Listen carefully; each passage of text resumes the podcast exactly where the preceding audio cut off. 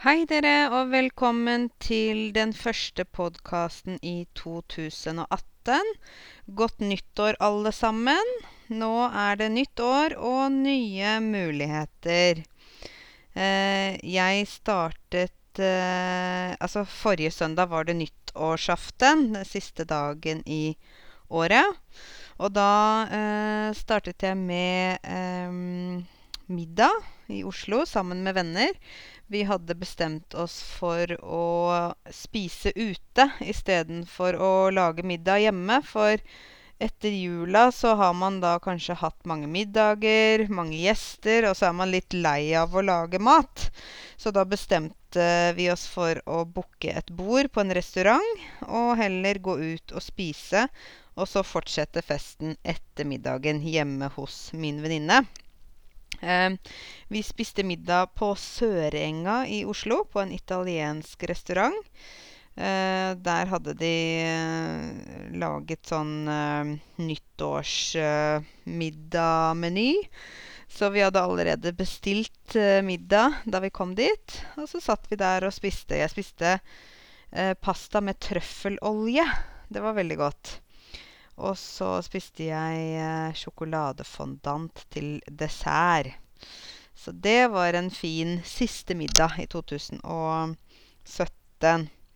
Eh, og hjemme hos venninna mi så hadde vi quiz fra 2017. Dere vet eh, I forrige podkast snakket jeg om året 2017. Eh, og det var jo egentlig flaks at jeg gjorde det. Flaks betyr at man er heldig. Hvis man vinner i Lotto, så har man flaks. Eh, jeg hadde flaks, for jeg hadde jo allerede snakket om mange viktige ting som skjedde i 2017 på podkasten. Så jeg visste mye og kunne svare på mange spørsmål. Så eh, derfor vant eh, mitt lag på quiz. Det var gøy. Um, klokka tolv, da eh, var det stort fyrverkeri i Oslo som ble eh, skutt opp av Oslo kommune. Det er jo sånn nå at det er veldig strenge regler i forhold til dette med fyrverkeri, altså raketter. For før, da jeg var barn, så var det veldig lett å eh, skyte opp raketter selv. Jeg husker veldig godt at faren min pleide å ta raketter og sette i flasker ute. Så satte han flasken i snøen, og så tente han på, og så løp han vekk. Og så kom raketten opp i lufta. Men pga. at det er veldig mange ulykker hvert år med raketter ikke sant? Noen eh, drikker mye alkohol, og så har de ikke kontroll på hva de gjør. Og så skyter de raketten f.eks. ikke opp, men bort. Sånn at raketten kommer på dem selv eller andre. Noen har jo skutt raketter inn i sitt eget hus. Så har det blitt brann. Så derfor så har eh, egentlig staten eh, bestemt at eh, det er bare raketter som kan stå på bakken, sånne batterier, som vi kan bruke. Vi kan ikke da sette sånne enkeltraketter i flasker lenger. Uh, og derfor har også kommunen, spesielt Oslo kommune, det er jo litt selvfølgelig rundt i hele Norge, har sånn offentlig fyrverkeri som man kan da gå og se på. Uh, jeg og mine venner vi rakk ikke det, men vi var ute, og så tente vi stjerneskudd. Stjerneskudd er sånn uh, bare sånn som du holder, så tenner du på, og så blir det litt lys. Ikke rakett, altså. Um, og så snakket vi alle om våre nyttårsforsetter.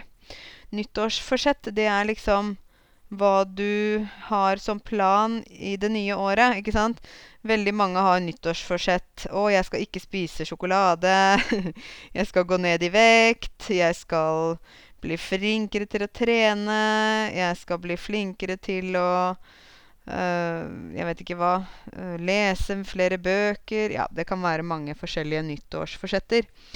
Uh, jeg hadde ikke noen sånne nyttårsforsetter. Det eneste nyttårsforsettet jeg har, det er at jeg skal prøve én ny restaurant hver måned. For i Oslo så kommer det hele tiden nye restauranter.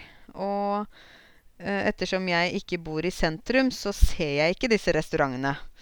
Og da må jeg heller prøve å oppsøke restaurantene selv og, og gå dit for å spise. Jeg vet jo at mange av dere kommer fra land der man kan gå ut og spise på restaurant hele tiden, for det er jo så billig. Eh, og det må jo være fantastisk, for da slipper man å lage så mye mat selv. Men her i Norge så er det veldig vanskelig å la, gå ut på restaurant veldig ofte, for det blir veldig dyrt. Det er dyrt å drikke. Uh, om, det, om det ikke er alkohol, så er det allikevel dyrt å drikke brus, f.eks. Det er dyrt å spise hvis du skal ha litt ordentlig mat. Så mange uh, Når de flytter til Norge, så spiser de bare hjemme. Og det er litt sånn nytt. Men, uh, men her i, i, Norge så uh, går vi ut på restaurant, men ikke så ofte. Kanskje to ganger i måneden eller noe sånt. For det er rett og slett ikke mulig. Så mitt nyttårsforsett er da å spise på én ny restaurant hver måned. Jeg har ennå ikke spist på januarrestauranten. Jeg må prøve å finne en restaurant hvor jeg kan spise. En ny restaurant. Eh, etter festen så tok jeg taxi hjem. Og det var taxi fra Oslo sentrum til der jeg bor, litt ut av byen. Og det er ikke billig. Det er jo veldig dyrt å ta taxi her i Norge, og spesielt på disse helligdagene. Helligdager er jo dager som Altså høytider hvor vi har fri. Da er det ekstra eh, pris. Altså det koster mer. Så jeg betalte 600 kroner for å ta taxi hjem. Det var en veldig dyr taxitur. Men eh, jeg var litt trøtt, og så ville jeg ikke sitte på bussen hjem. Og så var det kaldt, så da tok jeg taxi. Men det er ikke noe jeg gjør ofte, fordi det er jo kjempe, kjempedyrt, egentlig.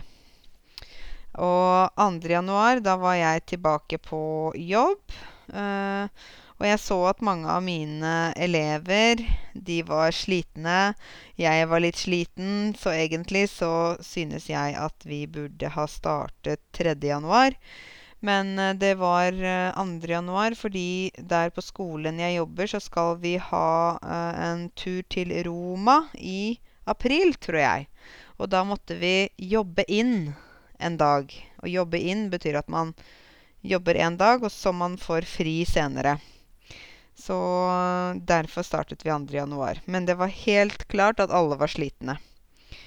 Um, og så um, var det sånn at uh, den uh, samme dagen så bestemte jeg meg for at jeg skulle gå og svømme. For det er veldig deilig å svømme, spesielt om vinteren, og svømme inne, sånn at man uh, får den treningen, og at man kan ha kroppen under vann.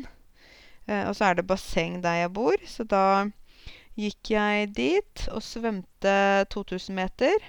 Jeg syns det er veldig deilig å svømme, for da får man brukt hele kroppen, og så er det ikke noe belastende på ledd og muskler og sånn. Man er jo bare i vannet, ikke sant, så det er veldig bra for kroppen. Og så tok jeg badstue etter det.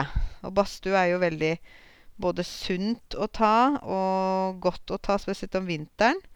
Badstue, altså dette rommet med damp, ikke sant. Sauna, sauna, som dere kanskje kjenner. Så det skal jeg gjøre nå. Hver tirsdag har jeg bestemt meg for å svømme 2000 meter, og så tar jeg badstue etterpå.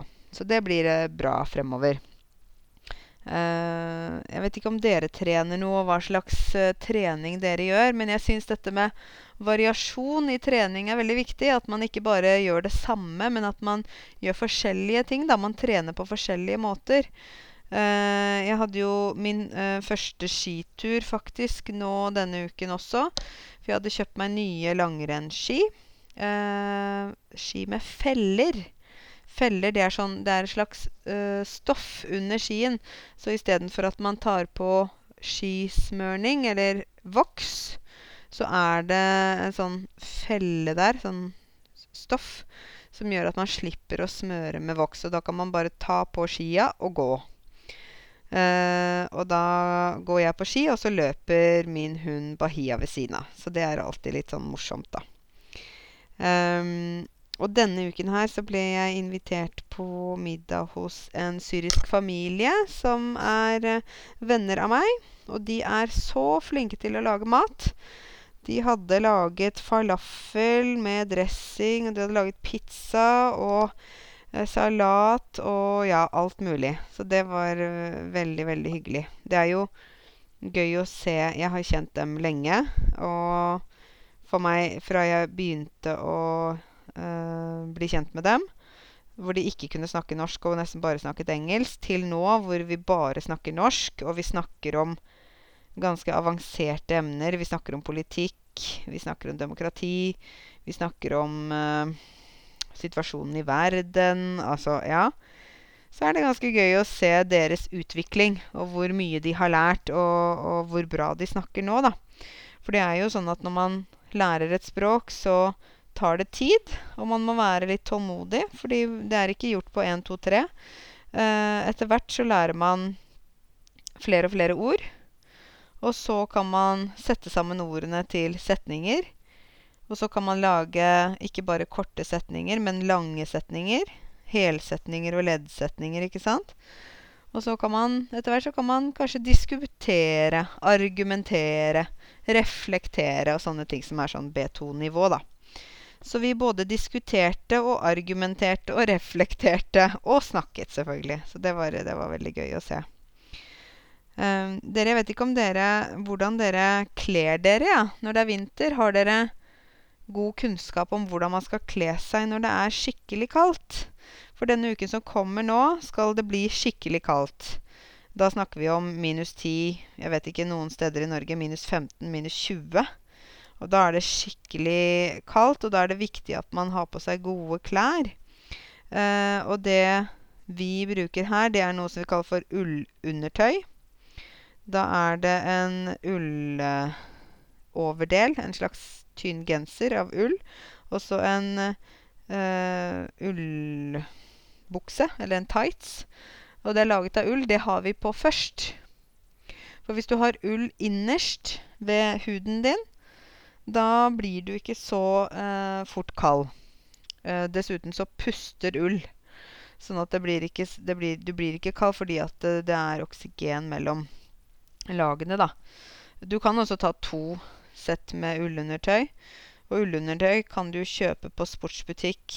Eh, jeg vet de har på Sparkjøp har de litt billig ullundertøy. Uh, ja. Og så utenpå det så kan du da ha en annen genser og en annen bukse eller noe sånt noe. Uh, og det kan jo være veldig fint også hvis du er veldig kald. Så kan du, selv om du ikke skal trene eller noe sånt, så kan du ha ullstillongs, altså den buksa og så den genseren, før du tar på deg f.eks. olabukse, jeans og den andre genseren din. For da, da blir du ikke så fort kald, da. Og jeg kjenner nå disse dagene her, så fryser jeg ganske mye. Jeg har faktisk ikke sovet med vinduet åpent. Da er det kaldt. jeg eh, har jo alltid vinduet åpent når jeg sover, men nå har jeg lukket det fordi at jeg har liksom vært sånn veldig kald inni kroppen også. Så jeg har ikke blitt helt varm, og da er det jo veldig dumt hvis jeg har vinduet åpent om natta. Da blir det jo aldri varmt nok. Så tips til dere. Bruk ull før dere kler dere. Jeg har jo en sånn litt sånn kjedelig ting nå som jeg ikke har lyst til å gjøre. Jeg har et stort juletre i stua mi med masse pynt og stjerne i toppen og lys og alt der. Det bare står her. Og jeg vet at jeg må uh, pakke ned julepynten, ta av juletrepynten, putte den bort og få treet ut, for det begynner å bli litt sånn vissent. Hvis noe er vissent, så er det dødt. Og det røsser sånne små barnåler ned på gulvet her.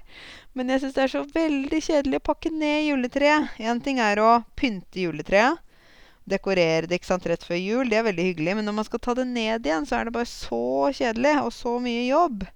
Så jeg tror ikke jeg kommer til å pakke ned juletreet i dag. Det får bare stå noen dager til. Men sånn tradisjonelt sett i Norge så hadde man da 13. dag jul, som man kalte det. Ikke sant? Fra første juledag, som er 25. desember, til da Ja, hva blir det da? 6. januar? Ja, i går egentlig. Så skulle man da pakke bort juletreet 6. januar. Men det har altså jeg ikke gjort. Jeg får gjøre det etter hvert når jeg får energi til det. eh, I går så var jeg på kino og så en film som het Den tolvte mann. Først var jeg og spiste indisk mat med venner i Oslo sentrum. deilig Spiste sånn tandori panir, sånn ost. Og så nanbrød med hvitløk og ost og ja, masse deilig. Og så var vi og så på Den tolvte mann etterpå. Den kan jeg anbefale i hvert fall for dere som er på B1-nivå, B2-nivå. Den tolvte mann går på kino nå, og det handler egentlig om eh, andre verdenskrig, 1943. Og det var tolv menn som skulle prøve å sabotere eh, tyskernes eh, stasjoner på no, oppe i Nord-Norge, på noen øyer. Eh, så var det tolv mann som da skulle ut på aksjon da, for å prøve å stoppe tyskerne.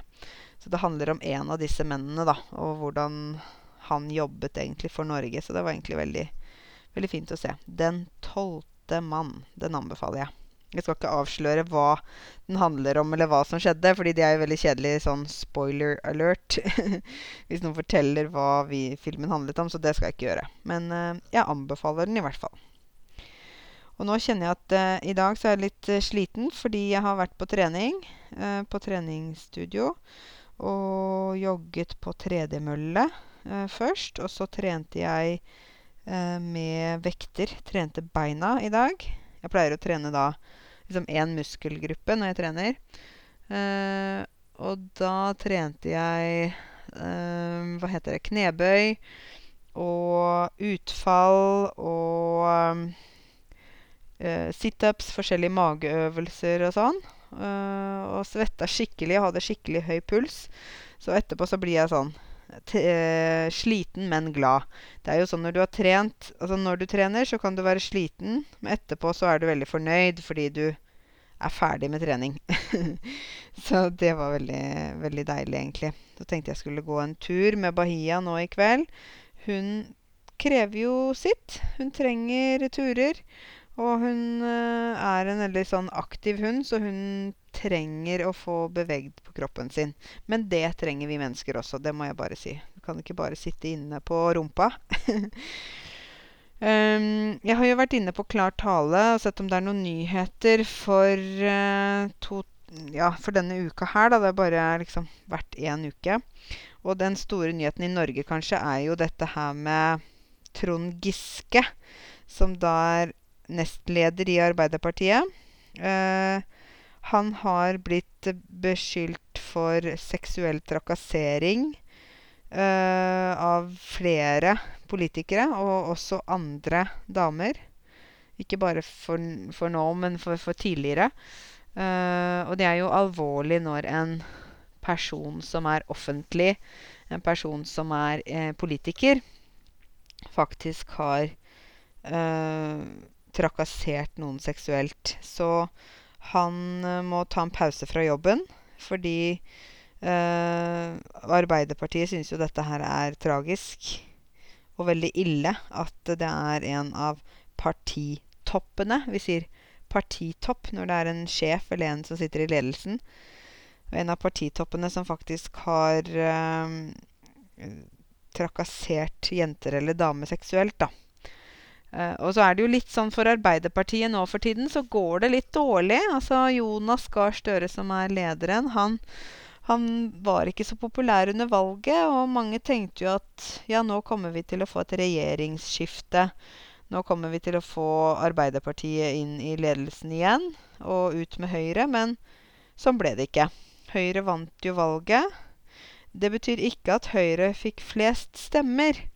For Arbeiderpartiet fikk flest stemmer, men eh, til sammen med de andre partiene, som de da skulle egentlig samarbeide med, så var det ikke nok i forhold til Høyre og Frp totalt. Og derfor er det Høyre og Frp som sitter i regjering.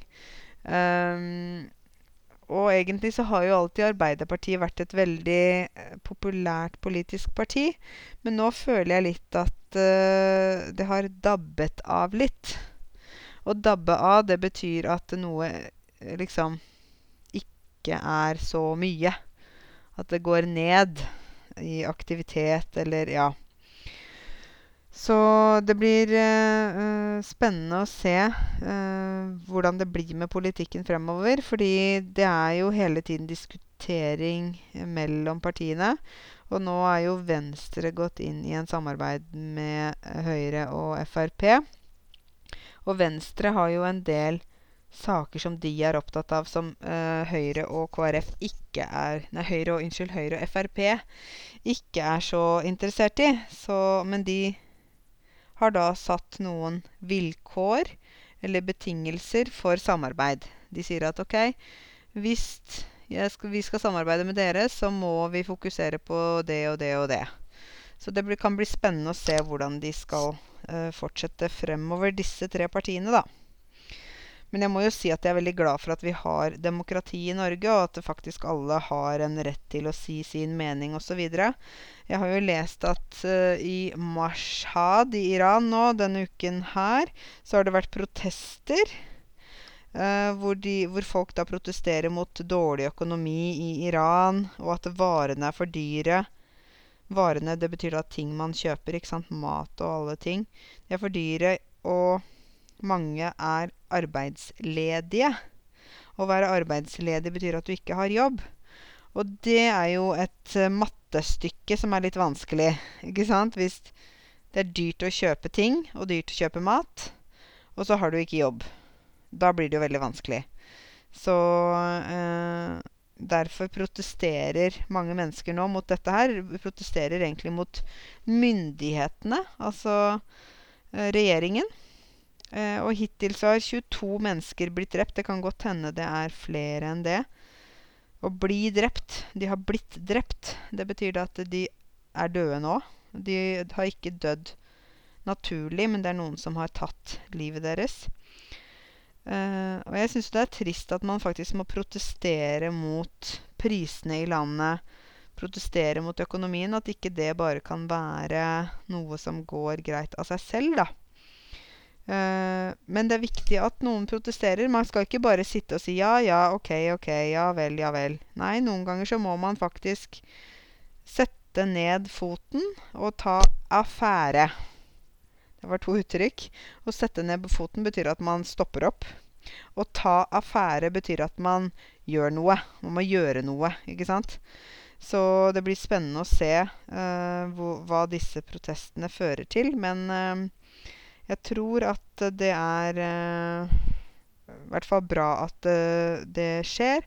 Og jeg tror også det er bra at det er medieoppmerksomhet rundt dette. At ikke det bare er noe som skjer i Iran, men som ingen andre hører om.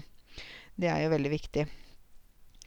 Eh, jeg tenker jo litt sånn på arbeidsledighet i Norge. Det er jo en del, kanskje av dere også, som ikke har jobb i Norge, men som ønsker å finne jobb i Norge. Og det er faktisk ikke så lett å finne jobb i Norge. Det er ikke nok jobber til alle. Det er ikke sånn at uh, det er så lett for de som flytter til Norge å få jobb hvis de ikke har en avtale før de kommer hit. Hvis de har fått jobb allerede, og så flytter de til Norge, så er det selvfølgelig mye lettere. Men hvis man kommer hit for å prøve å finne en jobb, da er det ikke så lett i det hele tatt. Så jeg tenker at uh, vi må være litt sånn forsiktige med øh, arbeidsmarkedet. Vi, vi, må kanskje også noen ganger må vi se andre veier. Uh, ikke bare se på en måte den ene veien som er, vi alltid har gått på. Men kanskje tenke Hvis det er veldig vanskelig for deg å få jobb innen det du er utdannet som, da f.eks., så kan det være bra å prøve å se om det finnes andre alternativer. Slik at du kan øh, gjøre en jobb, men, men øh, ja.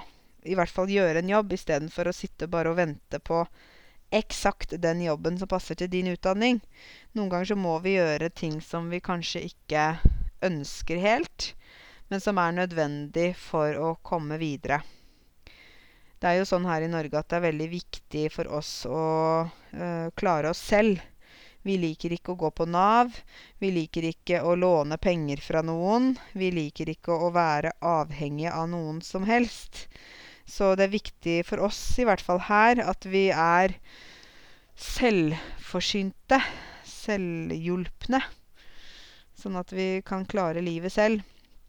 Og jeg har jo hatt ganske mange rare jobber gjennom livet. jeg har ikke bare vært lærer hele tiden.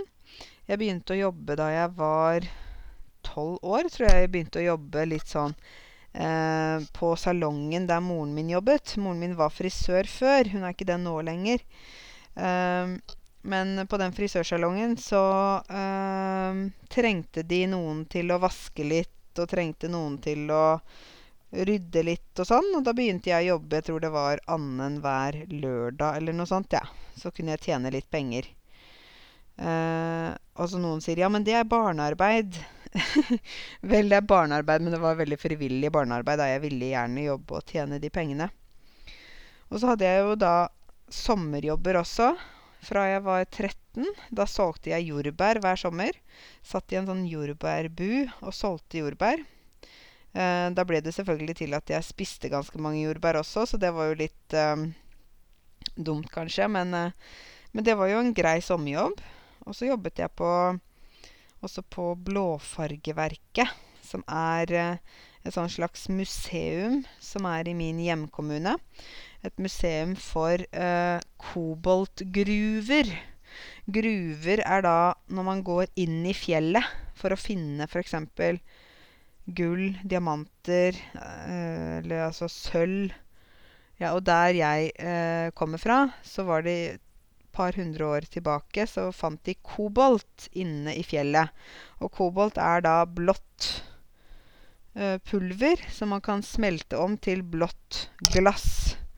Så jeg jobbet da på Blåfarveverket i den blå butikken og solgte blått glass. Så det har jeg også gjort.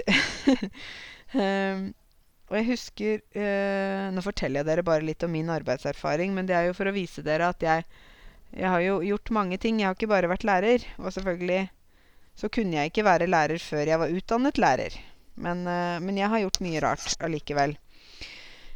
Uh, jeg har også jobbet som støttekontakt. Jeg jobbet som støttekontakt for en gutt som hadde autisme, og som var blind.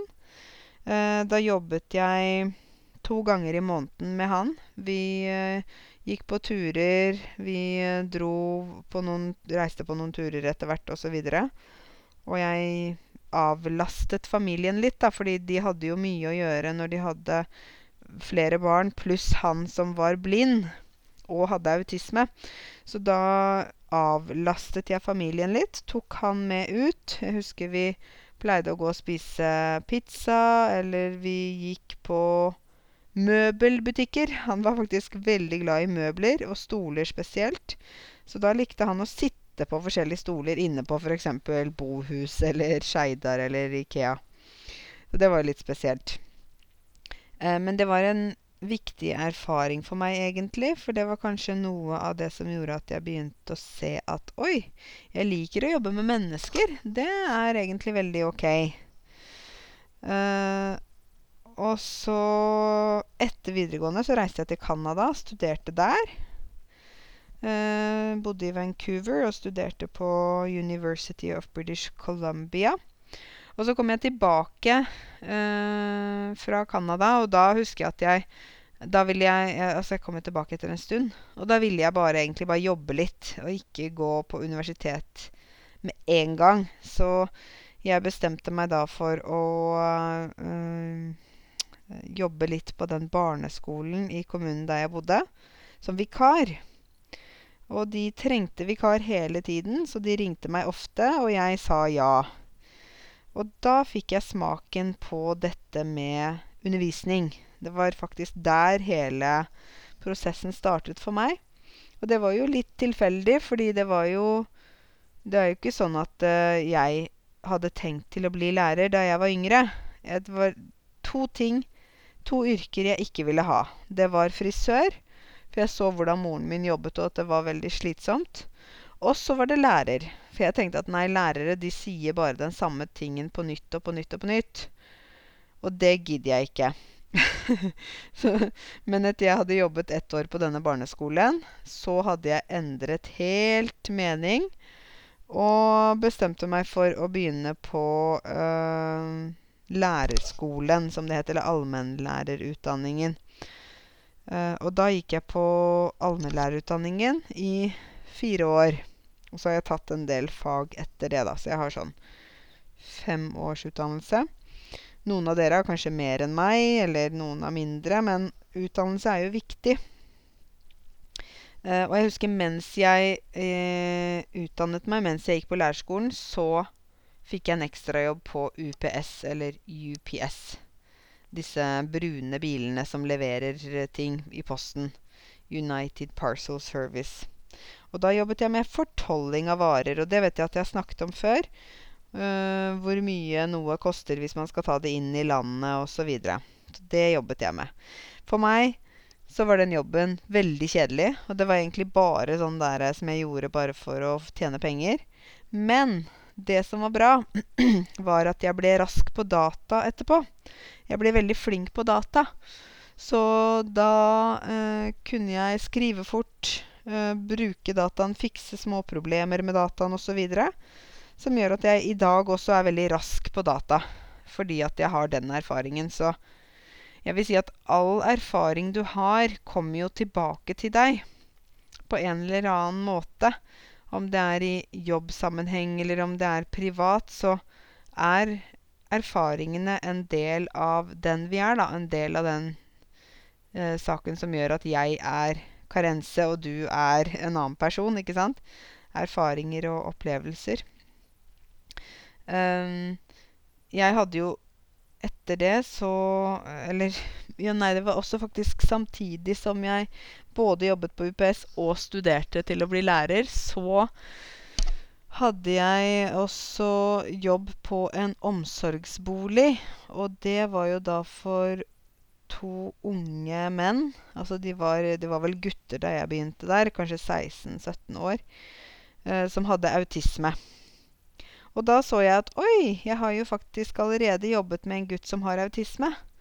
Og nå får jeg en jobb med to gutter som har autisme begge to. Så da fikk jeg brukt min erfaring på den jobben. Det var sånn helgestilling. Bare annenhver helg, ikke så veldig ofte. Eh, det hendte jo at jeg jobbet ekstra, men pga. studiene så kunne jeg ikke jobbe hele tiden. Jeg vet ikke hvordan det har vært med dere, om dere har jobbet og studert samtidig, eller om dere bare har studert. Um, for her i Norge så er det veldig vanlig å ha en ekstrajobb selv om du går på universitetet. Det er ikke sånn at du dermed sagt har krav på å bare studere. For foreldrene dine betaler jo ikke for utdannelsen din. Det er staten som låner ut penger til studentene via eh, noe som heter Lånekassen. Lånekassen, da kan du søke på det. Det skrives Lanekassen med A, ikke Å. Eh, det er sånn at i Norge, hvis man eh, Hvis man skal søke seg på universitet, da, om det er i Norge eller om det er i andre land, så kan man få både studielån og stipend. Studielån må du jo betale tilbake, men stipend må du ikke betale tilbake. Så stipendet fra Lånekassen er 30 eh, hvis du består eksamen. Du kan ikke få eh, stipend hvis du ikke består eksamen. Så når du først får pengene fra Lånekassen, så er alt lån.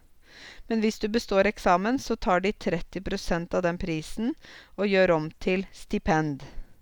Og da betyr det at uh, du har 70% lån fra det beløpet. La oss si det var 100 000 da, for ett år på universitet i jeg vet ikke, USA. For dette gjelder jo ikke bare Norge. Hvis det kostet 100 000 med bo og skolepenger og alt, så ville da 30 000 kroner bare bli til deg hvis du besto eksamen. Og det er jo en Vi sier at det er en gulrot. Når vi sier at noe er en gulrot, så betyr det at det er noe som bra som venter da, foran deg. Um, og jeg tror at uh, det er veldig fint hvis man har mulighet til å vurdere hvor man skal studere. At man ikke bare må ta nærmeste universitet til der man bor, men at man faktisk også kan vurdere andre alternativer. Både eh, der du bor, og andre steder i Norge, og også i utlandet. Uh, og dette med Lånekassen, det gjelder vel først og fremst de som har norsk pass. Men det kan jo være andre grupper også som det gjelder. Jeg har jo studielån i dag fordi jeg har studert, og tok studielån mens jeg studerte. Så jeg betaler Men jeg betaler bare sånn 1500 eller noe per måned på det. Så det er ikke så veldig dyrt. Det er ikke så veldig mye penger. Men penger er penger også. Så jeg har dette lånet, og jeg tror jeg er ferdig om kanskje 15 år eller noe sånt. For dette med lån er jo sånn at vi vi tar opp et lån i banken, og så kommer det an på hvor mye vi betaler ned, og hvor fort vi betaler det ned, som gjør om altså om vi blir kvitt lånet. Å bli kvitt noe er at noen noe forsvinner. Eller om du sitter med lån i mange år. For meg personlig så jeg vet jo det at det er fint å bli kvitt lån. Men så tenker jeg litt sånn eksempel med boliglån, da, at det er egentlig det samme for meg om jeg er ferdig med å betale mitt boliglån når jeg er 55 eller 60. Det har ikke så mye Hva skal jeg si det Det er ikke så viktig for meg, da. Så derfor har jeg satt på litt lang betalingstid, eksempel på boliglånet mitt. For jeg tenker at når jeg blir ferdig, så er jeg uansett litt eldre. Og da må jeg ikke være liksom så ung som mulig. Det er jo nå jeg lever kanskje et mer aktivt liv, da. Så ja. Derfor har jeg gjort det sånn. Men noen sier jo nei, nei, nei, du må betale ned lånet veldig fort, og du kan ikke ha så mye lån og Ja. Jeg har ikke så mye lån, men jeg betaler heller ikke så mye hver måned. For jeg syns det er så kjedelig å bruke så mye penger på lån. Da er det jo litt vanskelig eksempel å reise eller gjøre andre ting hvis man skal bo seg i hjel, sier vi. Å bo seg i hjel, det betyr at man nesten dør fordi det er så dyrt. Så hvis man bor seg i hjel, så kan det hende man har kjempefint hus, men man har aldri mulighet til å kanskje reise andre steder eller gjøre andre ting fordi man betaler så mye på huset. Så man på en måte bor seg litt i hjel, da. Så jeg syns at livet bør jo være en blanding av dette med glede over å kunne gjøre forskjellige ting, glede over det å bo et sted, glede over å være med venner og familie og kjæreste, glede over natur, opplevelser og så videre. Og da tenker jeg at hvis man skal betale kjempemye på lånet hver måned, så sitter man jo nesten ikke igjen med noen opplevelser eller noen andre hyggelige ting, for da er det bare lån, lån, lån, lån, lån. Så personlig så velger jeg å betale da litt mindre over litt flere år. Og det er jo veldig dyrt med boliger i Norge. Jeg ser jo hele tiden at prisene er så høye. Kvadratmeterprisen er veldig høy. Og så kommer det an på selvfølgelig hvor du bor. Bor du i Oslo, så er prisene høyere. Og bor du utenfor byen, så er jo prisene lavere. Sånn vil jo alltid være, ikke bare i Norge, men egentlig i alle land. Men her er prisene vanvittig høye. Vanvittig betyr at det er helt galskap. Og jeg ser at folk kjøper leilighet på én time, så har de bestemt hvor de skal bo. folk tar veldig raske beslutninger når det gjelder dette med bolig. Men jeg syns at man bør tenke litt mer hvis man skal skaffe seg en bolig. Ikke bare kjøpe den på fem minutter, liksom. Det er jo mange millioner det egentlig er snakk om. Så jeg er litt sånn Jeg syns det er bedre kanskje ikke å kjøpe så dyr bolig, men ha ha det greit, da. Ha det fint. Men man trenger jo ikke akkurat å bo i et slott med det første. Jeg vet ikke hvordan dere bor, og jeg vet ikke hvor dere bor. Kanskje dere har lyst til å skrive til meg og skrive noe om det. Men det er jo helt klart at det er dyrt å bo i en by, og spesielt i Oslo. Og jeg tror Bergen og Tromsø og de byene også. Det er jo naturligvis dyrere. Men vi lever bare én gang, og det er viktig å ta gripe mulighetene. Carpe diem, som man sier på latinsk. Grip dagen. Altså gjør dagen til noe fint, da. Hvis du kan gjøre det, så er det mye bedre å være positiv og gjøre noe godt istedenfor å tenke på det som er vanskelig og negativt. Med det, dere, så sier jeg eh, takk for meg for i dag. Jeg håper at eh, dere får et kjempefint eh, år, 2018. Jeg gleder meg til å lage masse videoer. Og podkast kommer ut hver søndag, tenker jeg. Så det blir kjempebra. Så da ønsker jeg dere en god uke videre. Uh, og så høres vi, snakkes vi. Kanskje også ses på YouTube snart. Uh, god søndag.